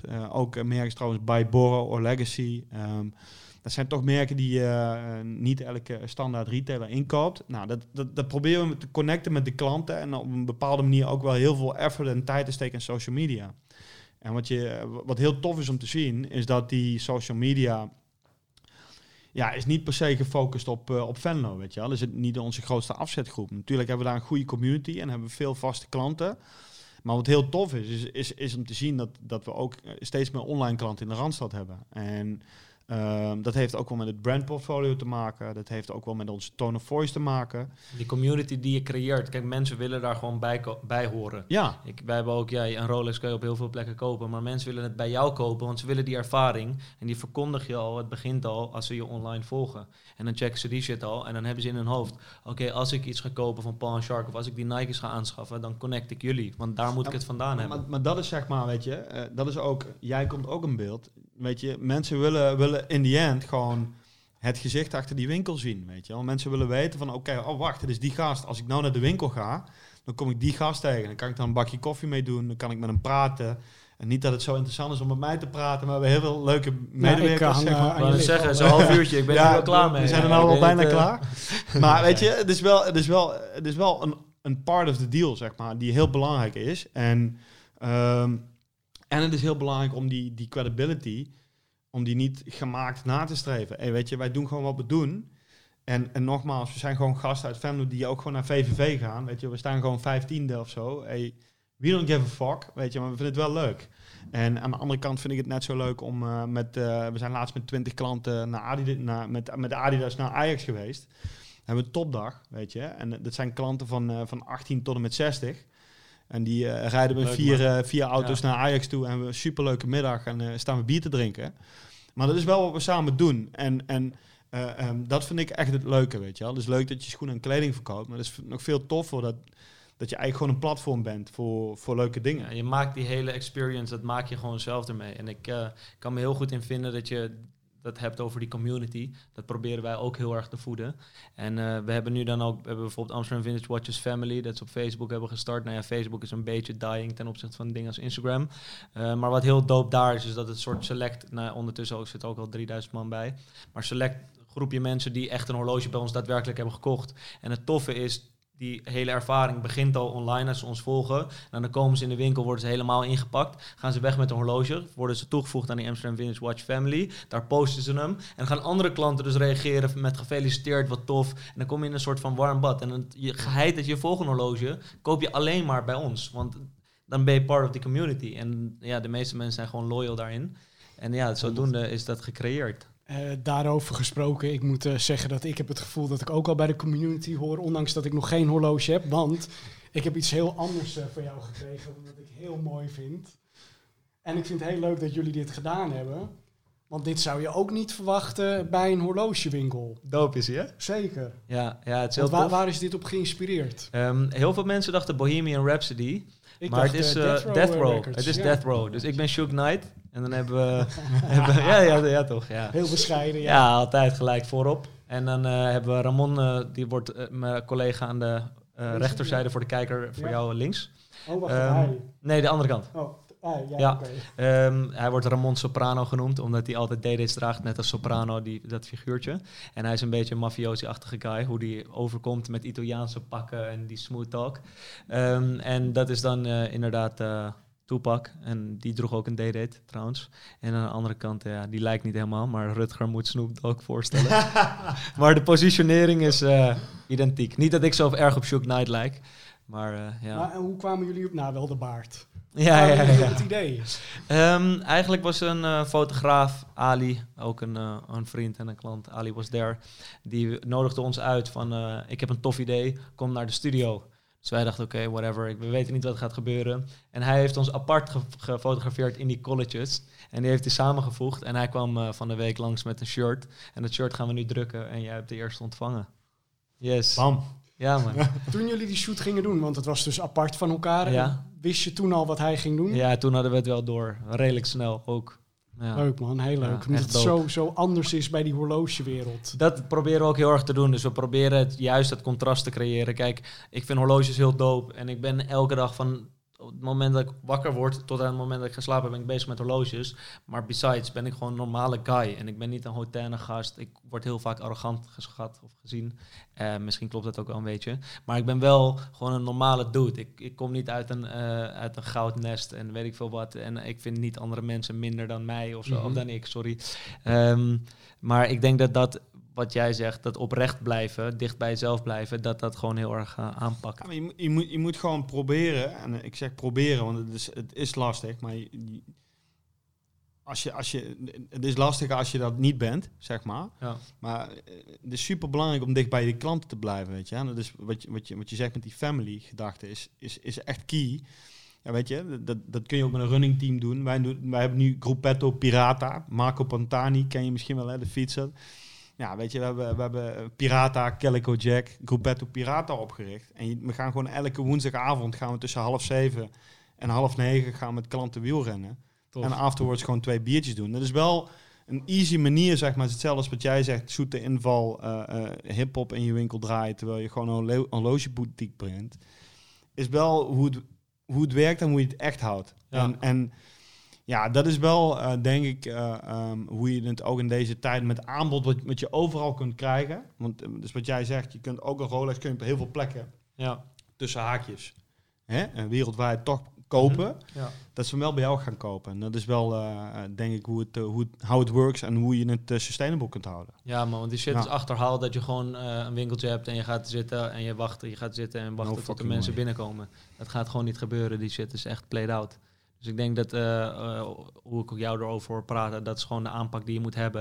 Het grappige is nu dus dat er heel veel andere uh, conculega's willen meeliften op hoe snel ons account groeit. En die gaan dat dan een soort van nabootsen. Maar je, het, dan val je zo snel door de mand. Want je ziet oh, gewoon, sorry, maar met alle respect, maar als een dude van 50 gaat doen alsof hij, weet je, alsof, ja, dat hip-hop en een beetje dat werkt gewoon Yo, niet. kids. ja, precies. Geloven dat soort shit. Zeker niet. Ja, dus dat, dat uh, werkt gewoon niet. Als, je, als, je, als jij het niet bent, dan ben je het gewoon niet. Nee. Ja. Eh, even wat anders. Jij hebt eh, onlangs een eh, sample sale gehad. Ja, we hebben van het weekend een stoksale gehad. Ik ja. probeerde jou te bereiken. Na het, eh, midden in de nacht kreeg ik een berichtje en één zin. En dan stelde ik een vraag, weer geen antwoord. Ik gloeide. Drommels, trommels, trommels, dacht ik. Stugge. Ja, is hij weer? Ja, klopt. Ja, ik, eh, de koningin was beter te bereiken dit weekend. Nou, inderdaad. Ja. nee, we hadden een, een stoksale. Eh, we hebben, eh, zoals ik zei, we proberen maatschappelijk ook eh, dingen te doen. En eh, wat, wat heel tof is, is zeg maar... eh, ehm, nou, afgelopen weekend was nou echt een van de redenen waarom ik terugging naar Venlo. En was, we hebben, eh, we, we hebben samenwerking met het theater, de Maaspoort. En ehm, daar hebben we afgelopen weekend in het loading dock, dus eh, een stoksale gedaan, twee dagen lang. We hadden eh, van half tien tot half vier elke dag een rij voor de deur. Nog een beetje gedoe met de gemeente gehad daarover, zeg maar, vanwege Ja. de anderhalve meter. Dus dat was wel een issue. Gelukkig is het allemaal goed gekomen. We hebben in eh, het loading dock eh, podcasts eh, opgenomen met heel veel leuke mensen. Ehm, er stonden zelfs mensen in de rij, want het grappige is, zeg maar, aan de andere kant van het loading dock zit de Primark. Daar kopen jullie altijd in, hè? Ja, daar kopen we altijd in. En een doorstoten. En, en het leuke was, er stonden zelfs mensen in de rij, die hadden niet goed genoeg gekeken. Want er stond ook een rij bij de Primark. Die stonden dus twee uur in de rij. Met het idee dat ze in de outlet van de outletrij van de Primark stonden. dus, die, dus dat vond ik dan wel weer heel erg Lekker. leuk. Die dachten, wat is vandaag alles duur? Ja, wat is, wat is het duur ineens? Ehm, en eh, we hadden s'avonds hadden we een eh, cultureel programma met onder andere Theo Maassen. Eh, dat vond ik echt fucking grappig. Die had een hele leuke... eh, die deed een eh, stand-up comedy show van een half uur, een soort van eh try-out. En die had het over Calvin Klein boxershorts en allerlei andere dingen. En het was echt... Maar, maar hoe zijn mooi, deze twee Ja. dingen zo samengekomen dan? Nou ja, eh, ehm, ik heb, dat is ook wel leuk. Het theaterprogrammeur, zeg maar, is klant van ons. En ehm, ik was op Koningsdag, was er een, een livestream op, op het dak van het theater. En dan mocht ik ook wat plaatjes draaien. Mhm. En ik kwam bi- binnen via Loading Dock met hem. Toen had ik zoiets van, hey, oké, wacht, maar dit is wel echt een ideale ruimte om gewoon een keer een stoksale te doen, zeg maar. En Misschien een tof event te doen. Liefst nog een keer een rave, als het mag. Ehm, en toen zei van, ja, let's go, laten we dit gewoon gaan doen. En eigenlijk eh, drie weken, vier weken later hadden we, iets van, hadden we het staan. En ehm, ja, was, eh, was het het eerste theater wat open ging in Limburg. Dus het was wel heel erg leuk. En eh, ja, dat zijn gewoon dingen die soms ook toevallig tot stand komen, weet je. En, en eh, ja, het is dan vooral heel erg tof dat het ook werkt. Ik moet wel zeggen dat ik vrijdag behoorlijk zenuwachtig was. Omdat normaal doe je een sale in je winkel. En dan weten Ja. mensen, oké, het is in je winkel. Maar nu moet je En straks allerlei... zit je daar en komt niemand. Er komt er niemand, Ja. weet je. Je weet het nooit. Vooral ook nu met corona. Mensen zijn toch misschien een beetje zo van, oké, moet ik daar wel heen gaan? Eh, maar maar dan zeg eh, je sample sale en dan staan ze er. Dan, zijn eh, blijven Nederlanders. ja. dan, is, eh, dan is het allemaal niet zo'n issue meer. Dus dat was wel heel prettig, moet ik zeggen. Maar nou verkoop je daar eh, dingen die overgebleven zijn. Ja. En wat, wat stond daar? Welk product wat jij had ingekocht dat je dacht, god gloeiende, nou staan die spuuglelijke dingen er nog steeds. Ja, dat vind ik ook Ja, wel ja, cool, 100 pro. Ja, we hadden er wel heel veel, moet ik zeggen. Ik, ehm, oké, dit, is, dit is nog een merk wat we nou nog blijven voeren, zeg maar. Maar dit is wel, het is gewoon vooral een steek in mijn eigen borst. Mhm. Ik was afgelopen Fashion Week was ik eh, bij eh, Barena Venetia en daar kocht ik een hele, hele vette eh, trenchcoat. Maar twee kanten. En het, het was een tie-dye trenchcoat in een soort van bruin-witte kleur. Maar heel eerlijk, zeg maar, soms heb je wel eens dat je op een Fashion Week bent en dat je denkt van ja, dit kan wel, zeg maar. Dit is wel echt heel cool. Daar heb je aan en dan denk je van ja, dit, dit gaat hem worden, zeg maar. En ik zag hem hangen en ik, ik had wel echt zoiets van ja, ik weet niet wat ik toen gedronken heb eh, voordat ik naar die inkoop ging.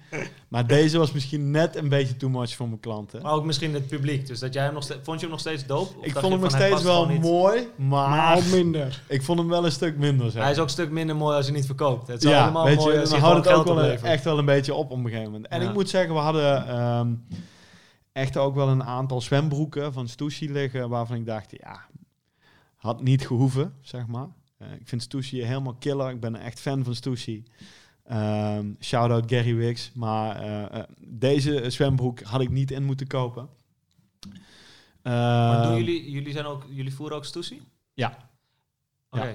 Dus we eh, ja, praten. weet je, we doen Ik gewoon een gekke nodig Ik heb een Dus, verrassing eh, voor je, je Sam aan de lijn. Vanaf nu niet meer. Nee, shout, nogmaals shout-out Gary X en Walid Shaheen. Maar die zwembroek was echt, eh, echt die had ik niet moeten doen. Die had ik vooral ook vooral veel te veel ingekocht, weet je wel. Van die speedootjes. Nou, nee, het was, strakke. het was echt een hele wijde, grote zwembroek met echt een, een iets te felle gifgroene tijgerprint, zeg maar.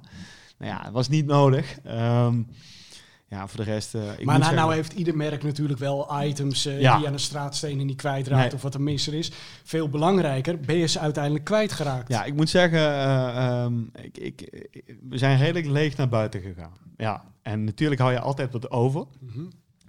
Daar plakken dan wel weer een andere salenaam op, zeg ik altijd wel eens. Dat gaat, uiteindelijk raak je alles kwijt. Ehm, je moet er vooral heel veel korting op gooien. Maar eh, nee, we gaan, we gaan het zeker kwijtraken. Ik denk dat we eh, echt met eh eh, 20% van wat, waar we mee kwamen nog de deur uit zijn gegaan. Dus dat is wel een mooi resultaat. Maar als je die inkopen doet, dus je gaat naar Paris Fashion Week of je bent bij, bij merken die je voert, ben aan het inkopen. In hoeverre word je dan gestuurd en in hoeverre mag je zelf bepalen wat je kiest? Ja, wat, wat ik eigenlijk heel fijn vind, is dat wij eh, voor 100% mogen bepalen wat we zelf willen. Natuurlijk heb je altijd wel eh, bepaalde minimum aantallen in je, in je buy-in. Dus Ja. hoeveel, hoeveel je moet inkopen qua, qua bedrag. Mhm. Maar wat echt fantastisch is, is dat eh, ik nagenoeg bij alle merken, nee, niet nagenoeg, bij alle merken mag ik kopen wat ik wil.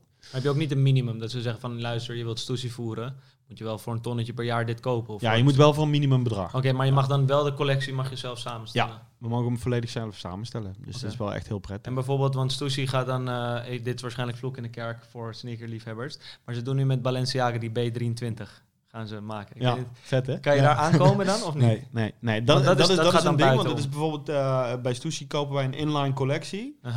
Ehm, maar dat soort producten zijn wel echt puur voor Stussy in Amsterdam. Ja. Oké, precies. Eh, ja, dus, dus echt eh, eigen kanaal en, eh, en Dover Street Market. ja En, precies. dat zijn wel echt, echt adressen die het mogen voeren. En voor de rest zijn er nagenoeg geen retailers die dat krijgen. Het is echt wel digital first en, en, en, en, en, ja, eigen winkels. Ja, precies. voor de rest ben je altijd welkom. Super.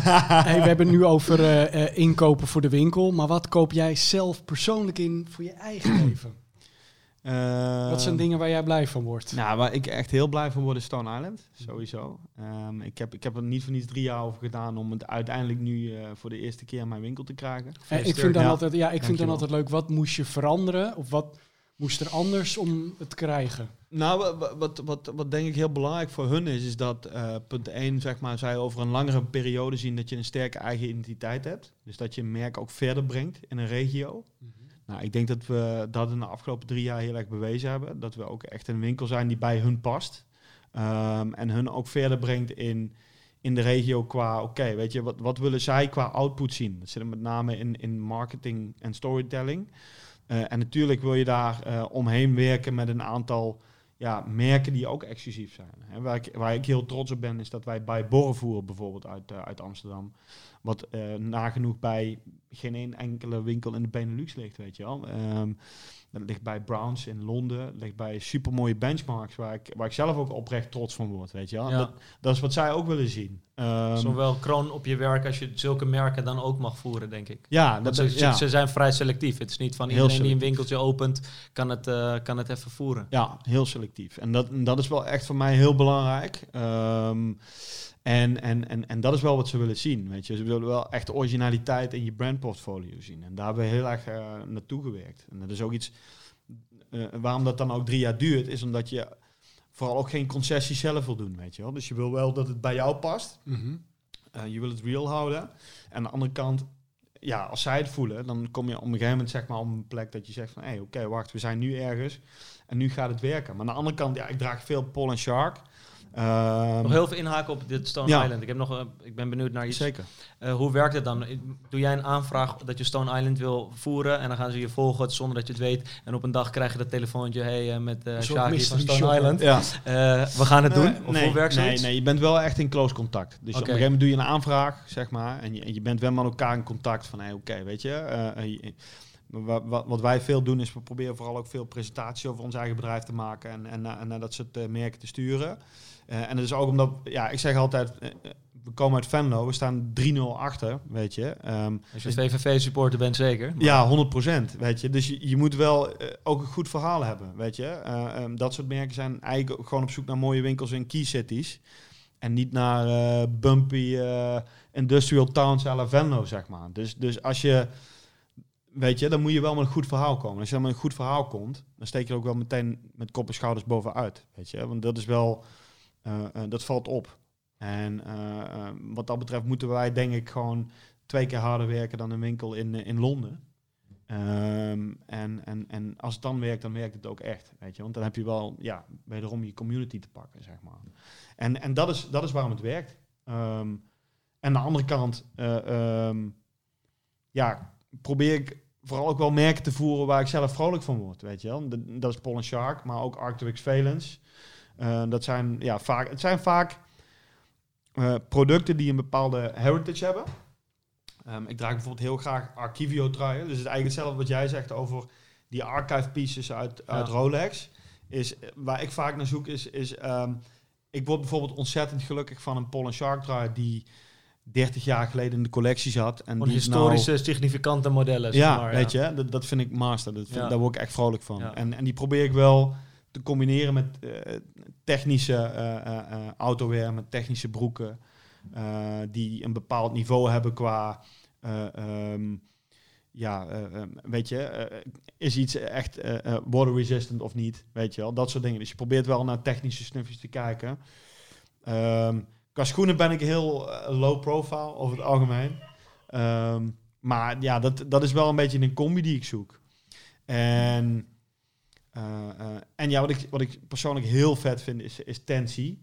Tensi is eh, ook een, echt een fantastisch eh, jacketmerk, zeg maar. Mhm. Ehm, met, met heel veel mooie technische Waar komt dat snufjes. vandaan? Wat is... Tensi is van een former developer en ontwerper van Stone Island en CP Company. En ehm, wordt gemaakt in Italië. Ehm, Een beetje een, een, een mix tussen UK en Italië, zeg maar, qua komaf. Eh super eh, eh, technical. Je gooit er een, een, een, een emmer water overheen en alles valt eraf. Weet je wel, dat soort dingen. Ja. Ja. daar, daar ga ik wel hem op. Daarover gesproken, ik had ooit een eh, windbreaker jackie van Nike. En als het regende, dan, dan zag je allemaal sterretjes omdat die delen niet bewerkt waren van de jas met eh, waterafstotend materiaal. Fucking hard. Ja. Zeker, ja. Ja, maar ik dat- zag dat dat, ook gebeuren. Ik dacht, ah, dit moet ik hebben. Was het een ACG-jas of een... eh, Nee, nee, was geen ACG. Dat was in, in die tijd dat ze ook echt de ene windbreaker naar de andere uitbrachten. Ja. Volgens mij ook op een gegeven moment met een, een rits op de rug, zodat je eh, kon matchen, verschillende kleuren. Eh, maar goed, genoeg over mijn jackie. Ik wil het hebben over een paar schoenen wat jij hebt meegenomen. Want Ja. waarom heb je voor deze gekozen? Ja, je vroeg in mij van, ja, weet je, eh, neem wel even iets mee wat, wat, waar je ook nog even iets over kunt vertellen. Ja. En Ik had zoiets van, ja, ik, ehm, ik probeer het vooral heel erg dicht bij mezelf te houden. Want ja, ik ben niet per se een sneaker connoisseur, maar Mhm. ik ehm, vind dit wel een paardje wat een beetje symbool staat voor onze winkel. Ehm, ja, zoals ik zei, we proberen vooral eh, in te zoomen ook op een stukje... ehm, ja, eh, eh, vaak voetbalcultuur via onze socials. En ik ben een gigantische fan van eh, Liam Gallagher. Eh, en dit is de eh, Liam Gallagher speciaal. Ehm, ik trap mijn sneakers over het algemeen redelijk af. Eh, dit is een wit zware sneaker. Nou, als ik hier één keer mee naar de kroeg ga... Heb je netjes gehouden, toch? die- Ik heb ze echt netjes gehouden, zeg maar. Eh, maar als ik hier één keer mee naar de kroeg ga... en ik drink over het algemeen een doosje vlugel per avond... dan zien ze er echt heel Zo, dat anders is uit. wel een linker combinatie. Ja, dat is wel echt een ding. Ehm, ja, hier ben ik gewoon trots op. Maar dit is ook wel waar wij voor staan als winkel. Weet je, Adidas speciaal. eh, ehm, ook wel eh, vintage footwear vind ik gewoon eh, hard. Dus En, dit is ook wel eh, iconisch voor het bedrijf. Ja, jij 100 voert eigenlijk. Dit is wel echt een, Ja. een schoen die... eh, De identiteit staat van het voor, eh, bedrijf staat ook echt goed in dit ja. model. eh. ja, Maar j- jij, jij verkocht deze dus gewoon zelf in de winkel. Nee, dat is, dat is de grap, zeg maar. Deze werd eh, volgens mij alleen door endclothing verkocht. Eh, dus blame Adidas voor die. Ik hoop dat ze in het vervolg eh, wat meer naar onze kant opsturen. We hebben wel vanaf bijvoorbeeld komende eh, week eh, Adidas Speciaal. Dus een eh, collectie die, voor- die voor mij heel erg belangrijk Mhm. is. Omdat die eh, uit Gary Aston's hand komt. Ehm, ja, weet je, de- de- die vintage Adidas modellen, die archive pieces, dat, dat is wel echt iets waar wij, eh, waar wij op, op inzetten. Maar hoe ben jij in deze gekomen dan? Via een klant. Ik had eh, op een gegeven moment op zaterdagochtend een klant in de winkel, eh, Koen Peters, die, eh, ehm, waar ik eh, nog eh, samen mee naar een concert van Liam zou gaan. Alleen toen zat ik met mijn pa in Londen, fucked up, helemaal raar gepland. En die zei van ja, eh, we gaan naar dat concert en ik heb net die schoenen gekocht. Maar ja, ik vind ze wel tof. ehm, alleen eh, ik denk dat ik ze ga verkopen. Ik zeg gast, eh, wat nou, ik ga ze verkopen. Dan wil ik ze wel van je kopen. En ja, ik, ik doe eigenlijk nooit zoveel moeite voor schoenen. Alleen dit was wel echt een schoentje wat ik wilde hebben, zeg maar. Alleen ik had zelf achter het net gefeest. Dus hij kwam, we renden, zaterdagochtend kwam hij de winkel binnen. Hij zei van ja, ik heb die schoenen. Ik zeg, dat meen je niet. En we hebben nagenoeg dezelfde maat. Hij is een halve maat te groot voor me eigenlijk. Ja, want ik keek er net al in. Ik is zag wel een 46 bootje, en half. Ik Ja. dacht, goede genade, man. Dus, eh dus wel echt een eh, handje vol, laat ik het Ja. zo zeggen. En eh, op die manier ben ik er aangekomen. Dus ja, nogmaals, loyalty vice versa, zeg maar. En ik ben hem wel heel erg dankbaar voor die schoen, zeg maar.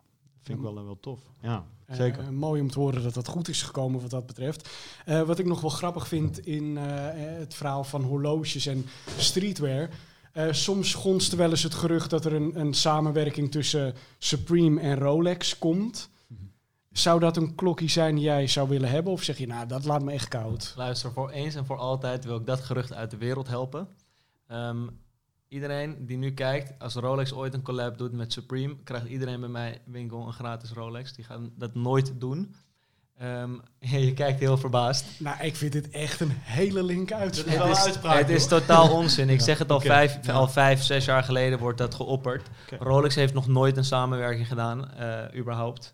Rolex is vrij conservatief. Rolex is daarnaast is een stichting, dus het is een, de bedrijfsvoering Oh, werkt compleet anders. Eh, Rolex heeft wel degelijk horloges gemaakt voor bepaalde mensen en bepaalde bedrijven, waaronder Comex, dat is een duikbedrijf, Frans duikbedrijf. Die hebben special issued watches. Een bekend voorbeeld is Rolex voor Domino's Pizza, met het Domino's Pizza logo. Maar dat zijn sowieso ook geen samenwerkingen. Dus Rolex maakt dat horloge voor een ander bedrijf. Eh, nu denken mensen überhaupt dat ze al een keer een Supreme hebben gemaakt. Die Submariner waarop staat fuck it. Of fuck hem of zo. Ja, Eh, dat is ja. bullshit. Dat is, ehm, Supreme heeft die Rolex gekocht en die hebben ze gewoon customized, aftermarket customized laten maken. Dus het heeft eigenlijk niks te maken met Rolex. Rolex heeft ze zo nooit geleverd. En al de reden dat ze dat al hebben gedaan, zou Rolex, mochten ze ooit een samenwerking doen, het nooit met Supreme doen. Daarnaast ehm, valt Rolex is een op zichzelf staande entiteit. Supreme, onder welke, eh, wa- waar valt Supreme onder? Is dat op zichzelf? Of wordt het bij LVMH? Oh, dat zou ik niet weten, man. Volgens mij valt het bij Volgens een conglomeraat. Ja, vol- volgens mij, maar eh, don't blame me als het niet zo is, klopt het wat jij zegt. Dus eh, valt het onder LVMH. Maar ik weet het ook. niet In zeker. ieder geval zijn er heel veel merken, horlogemerken, die onder LVMH vallen ook. Of als het onder LVMH valt. In ieder geval vallen ze onder een conglomeraat die ook horlogemerken voert. Dus die zou nooit hier allemaal toestaan. termen waarvan ik eh, het bestaan niet weet. Sorry. Wat is vallen cool- over overkoepelende tak. Ah ja, ja. eh, bedrijfskundig, eh, die dus ook andere horlogemerken voert. Dus mocht Supreme heeft natuurlijk heel veel samenwerking gedaan. Daarom ook met Louis Vuitton, omdat het onder LVMH valt. Dan zouden ze, kijk, daarom heeft Supreme ook geen Gucci gedaan. Hebben ze niet gedaan, toch? Nee. Precies, omdat Louis Vuitton en Gucci, dat zijn concurrenten en ze vallen onder hetzelfde Ja, dakje. ja, ja. Dan gaan ze niet opeens vreemd met Gucci. Dus uit Supreme zijde zou het niet kunnen en uit Rolex zijde zou Rolex het nooit doen. Dus die twee zorgt er gewoon voor, ja, elk jaar heeft iedereen zo, oh, misschien gaan ze het dit Ja. jaar maken. Ik vind dit toch eh, een onthulling van je welste. Ja, Ja, zeker man. Dat had ik niet verwacht. bij deze. Dus Eh, hij wordt nooit gemaakt en Rolex heeft nog nooit een samenwerking gedaan. In die zin, dus niet een commerciële samenwerking. Eh, maar ze hebben wel bijvoorbeeld special runs gemaakt. De laatste die bekend is, is in 2014 uitgegeven voor het Nederlands elftal. In een hele kleine op... eh Carlisle Group, dat was hem. Ja, dankjewel voor eh, de informatie, Erik. nou, we mag- kunnen met dit team altijd nog meedoen met eh 3 voor 12 of 2 voor 12. hoe heet het? Ik zoek hem op, ik zoek hem op. Mag ik wel heel brutaal nog zijn? Want ik was net toch met Erik aan het praten. Had je nog toevallig één pilsje voor me? Zo, Super, man. Eh, ik wil wel een watertje, man. Echt? Ja, ja, ik, ik moet nog terugrijden. Ah, dat is ja. best wel Venlo, een ding. Het is wel een lekker Ja. Fenno's pilsje trouwens, moet ik wel zeggen. Maar eer dat je dan thuis Ja. bent, is de promilage weer helemaal naar nul gezakt. Dus ding, dat ja. zou... eh Ja. oké, nee, hoor. Don't drink and ik weet niet of dit... En nou heb ik eh, wel aangetoond dat ik echt niks van horloges weet. Wat is nou echt iets, als jij een, een leek een weetje over horloges eh, in het algemeen moet vertellen, waarvan je zegt, dit moet je echt weten en, het, en dat weten gewoon eh, leken niet. Nou ja, ehm, je hebt inderdaad niet zoveel met horloges, wat natuurlijk vrij raar is, want je hebt Italiaanse roots. En, en de horlogehandel, het hart van de horlogehandel, mensen denken Zwitserland, maar is Italië. Zwitserland komen de meeste horloges vandaan. Eh, bijna het, het, gros van horloges worden in Zwitserland geproduceerd. Heb ik het over high-level quality horloges, dus niet meuk van, uit China. Maar echt een goede horlogemerken zijn gevestigd in, in eh, Zwitserland. Alleen handel is, epicentrum is Italië. En elke Italiaan die heeft gewoon een, een mooi en kostbaar horloge. Dus wat dat betreft ben je een uitzondering. En de eerste keer dat we elkaar hebben gesproken, heb ik volgens mij ook tegen jou gezegd van... Gap, jij moet gewoon een fucking horloge hebben. Het past ook bij je persona. En ik vind het nog steeds altijd jammer dat je nog steeds niet over de brug bent gekomen... en niet in- op zijn minst een keer langs bent geweest in de zaak. Dus, het enige wat eh, ik eh, aan uurwerk heb, dat is die IKEA-klok van Off-White. ja, die doe ik gewoon om mijn nek. Dus wat eh, het meest verrassend weetje is, is dat jij de enige Italiaan bent die gewoon geen fatsoenlijk horloge heeft. Ja, ik kan niet anders dan me daarbij aansluiten. ja. Maar wie weet, hè, ik geloof in wonderen. Goed zo. Ehm, ik ga even mijn laptop erbij pakken, want dan weten jullie wel hoe laat het is. Eh, ik stel namelijk iedere week mijn gasten de vraag om even naar een eh, Air Max 1 te kijken. En dan mogen ze één onderdeel van die schoen uitkiezen. En dan mogen ze bepalen eh, welke stof er voor dat vlak gebruikt moet worden en in welke kleur. Eh, nou is dat natuurlijk ontzettend moeilijk, want de ene week roept die rood, die zegt eh, de swoosh moet groen. En hoe zorg je er dan voor dat het aan het eind van het seizoen een schoen wordt die ook mooi is, die je zou willen dragen? Want uiteindelijk gaat Vijs Bespoke eh, die schoen maken. En die kan jij als kijker thuis, of waar je nu luistert of kijkt, eh, die schoen winnen. Ehm, dus ik heb jullie gevraagd van nou, kijk er even naar. Eh, de vlakken die nog wit zijn, die kan je als optie kiezen. En dan moet je me even vertellen wat ermee moet gebeuren. Jullie hebben ernaar gekeken. En voor de mensen die dit onderdeel voor het eerst zien, ja, het wordt natuurlijk moeilijk. Want op een gegeven moment zijn er zoveel vlakken gekozen. Hoe kan je dan nog eh, eventueel je eigen keus daarbij doordrukken? Nou, er wordt al Ik gelachen. vond het lastig, man. Ja, ik snap het. Ik ook, want ik heb geen flauw idee over schoenen. Dus voor mij was het al helemaal moeilijk. Nou, de huidige status is eh, dit. Dus dit is de Air Max 1, waarbij eh, bij aflevering 1 DJ Melly Mel koos voor een fluoriserend roze leren swoosh. Waarop heel veel mensen gingen balen, omdat die schoen dan al zo'n richting ingestuurd wordt. Mensen dachten, ah, hoe gaan we deze nog weer de weg optrekken? Eh, nu is de keuze aan jullie. Ik heb al 47 dagen geen backup gemaakt. Moet ik even heel snel weg. Niet verder vertellen? Ja, daar zijn we weer. Vorige week, eh, of vorige aflevering, koos eh, Michael van Doop een History of Air lip. Die is wat ronder dan normaal en daar wilde hij drie swoesjes op. In de kleuren die al in de schoen zaten. Jort die koos voor eh, een mudguard aan de achterkant van eh corduroy in het groen. Eh, hij koos voor groen omdat Jamie van Heijen in een eerdere aflevering voor de mudguard aan de voorkant koos voor Sali Groen van zijn werkkleding in het suède. Maar goed, nu waren jullie aan de beurt. Jasper, waar heb jij voor gekozen? Wat heb je gekozen? En ja, we gaan voor de onderzijde. En ik heb gekozen voor de gumsoles, omdat het toch een beetje die vintage feel heeft. En ik denk dat het wel eh, een eh, uitgebalanceerde combinatie maakt. Ik denk dat heel veel mensen blij zijn met die keuze, want Gumsol kwam echt al heel vaak voorbij. Ik stond ervan te kijken dat hij eigenlijk niet al weken geleden werd uitgekozen. Bij deze, door jou geclaimd. Hey, lekker. Is het wel hoor. Ja, hè? Ja, is top. Ja, Rolf. Ja, ik moet zeggen, ik was echt aan het struggelen. Ehm, met name omdat eh, ik, ik, ik, ik wilde niet te veel toevoegen. Ik hou ook wel van... van eh, het moet wel een beetje toned down blijven. Ondanks Mhm. de, de, de, de swoosh eh, in, in die kleur. Dus ik dacht van ja, ik ben wel een sukker voor mini swooshes. Ik ook. Hè? En eh, toen dacht ik, oké, laten we daar wat mee doen. Dus die hebben we een soort van metal gemaakt eh, in black. Om hem toch wel eh, gewoon richness te geven. Ehm, en dat is wat het is geworden, zeg maar. Eh, ik ben dus niet eh, de Photoshop King eh 2020. Dus eh, alles wat je ziet, dat heb ik erin gedrukt. dus ja, van die mini-swoosh die nu metal gaat worden, ga je geen dag en nacht verschil zien. Ja. Maar goed, uiteindelijk wordt dat tof. Ja, zeker. Want die zit hier dan driedimensionaal op de schoen. Juist. Eh, nou, je gaat amper verandering zien. Zit hij er al in? Ja, bam! Hey! Zo. Dat is hem wel hoor. Lekker man. Dat is hem wel. Driedimensionaal, alles lichteffecten. Hoppa. Moest Hij even is goed uitgelegd Ik trouwens. moest even een tutorialtje zoeken hoe dat precies werkte. Maar ik heb weer eh, niet alleen qua Photoshop ontzettend veel geleerd. Ook eh, wat retail betreft. Liefde voor schoenen, liefde voor horloges. Ik vond het ontzettend leuk dat jullie hier waren. Bedankt voor jullie komst.